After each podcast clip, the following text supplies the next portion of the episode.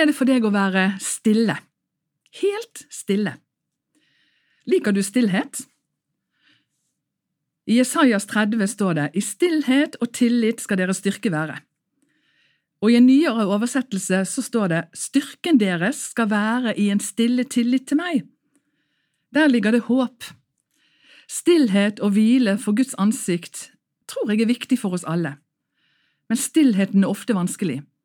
En krevende øvelse. Hverdagene våre er så travle. I Bibelen ressurser står det om stillhet og tillit som å ha tillit til Guds kraft, og deri finne hvile.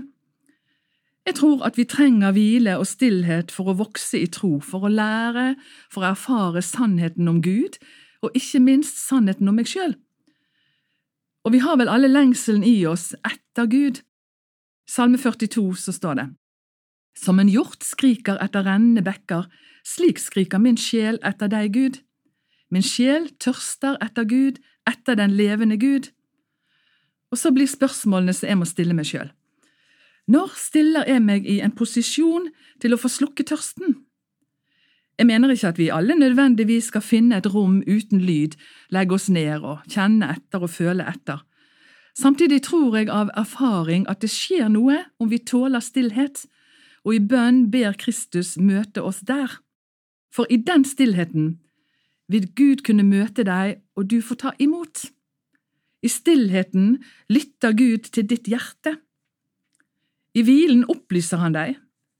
I hvilen i Kristus er det kraft, oppstandelsens kraft. Stillhet kan gi styrke. Stillhet kan gi legedom. Stillhet kan vise vei. Min vei, sier Herren. Som hyrden leder sauene til stille vann for at de skal drikke, slik ønsker Herren å lede oss inn i stillhet for at vår åndelige tørst skal stilles. Jeg har hørt at en sau drikker ikke av opprørt vann, men av det stille vannet. Og vi har gjerne en trang til å fylle all tid som er tom. Og livene våre er ofte fylt til randen. Og når ikke travelheten tar all vår oppmerksomhet, kan vi fylle tankene våre med skyldfølelse for det vi ikke gjør, eller bekymring for det som ligger foran oss. Kanskje skyldes denne frykten en forestilling om at et tomrom og stillhet kan få noe til å skje som vi ikke kan forutse, noe som fører oss til et eller annet vi vil unngå. Kanskje ønsker jeg ikke å høre hva Gud har å si til meg i stillheten, eller det bare er fryktelig uvant. I mitt arbeid som sjelesørger møter jeg mange mennesker med knyttede hender, helt bokstavelig talt og de knyttede hendene er en slags beskyttelse. Og se det for deg, en knyttet hånd kan ikke gripe det som blir gitt en.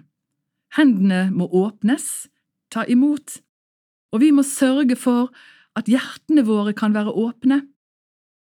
Åndelig opplæring og opplysning går ut på å skape rom i livet hvor Den hellige ånd kan slippe til og berøre oss, snakke til oss, veilede oss og føre oss til uforutsatte steder hvor vi ikke lenger må eller har kontroll selv, men da må du sette deg i en posisjon. Årvåkenhet hjelper oss til å ha Gud for øye og sette oss i stillhetens posisjon for ledelse. Mine tanker er ikke deres tanker, sier Herren. Vi vil aldri kunne putte Gud inn i et skjema. Han er alltid større.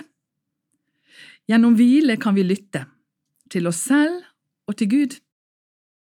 Thomas Sjødin, en svensk sjelesørger og teolog, sier Det skjer noe når du hviler.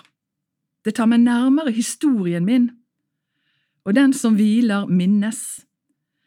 I hvilen kan fremtiden komme oss i møte. Gud opplyser oss. Hvilen kan føre oss til et nytt nivå, menneskelig og åndelig. Hvile gir vekst, vårt indre menneske strekker seg, sier han. Hvile for meg personlig er ofte en redningsplanke, men der er vi forskjellige, hvor mye hvile vi trenger. Men i hvile får jeg Guds hjelp, og Han opplyser meg. Det kjennes som jeg tar ansvar for eget liv når jeg verner om hvilen i hverdagen. Jeg er jevnlig på retreat i stillhet med ei venninne, og var der nylig ei uke, oppe i Østerdalen, langt fra folk. Da leser vi bibeltekster og fordyper oss hver for oss noen timer i den spesifikke teksten. Og jeg forundres stadig over hvor forskjellig Gud taler til oss, og når vi deler når vi går inn i skogene der. Men det nydelige er at Gud taler inn i mitt liv der jeg er, og så taler han inn i hennes liv der hun er. Og det er trosstyrkende. Gud ser og vet hva jeg trenger. Uten å ta meg tid til den stillheten hadde jeg kanskje ikke fått disse nære Jesusmøtene, som jeg etter hvert ser at jeg virkelig trenger. Og det er så lett å få åndelige forstrekningsskader. Vi strekker oss i alle retninger, og så strekker vi ikke til. Kom og hvil, sier Jesus. Salme 23 Herren lar meg ligge i grønne enger, med armene ut og hendene åpne. Han leder meg til vann der jeg finner hvile.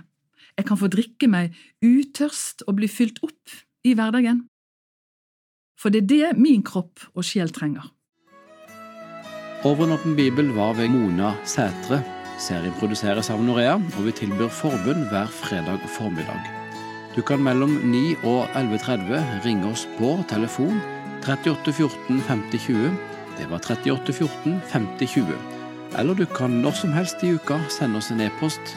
Bruk adressen post alfakrøll norea.no.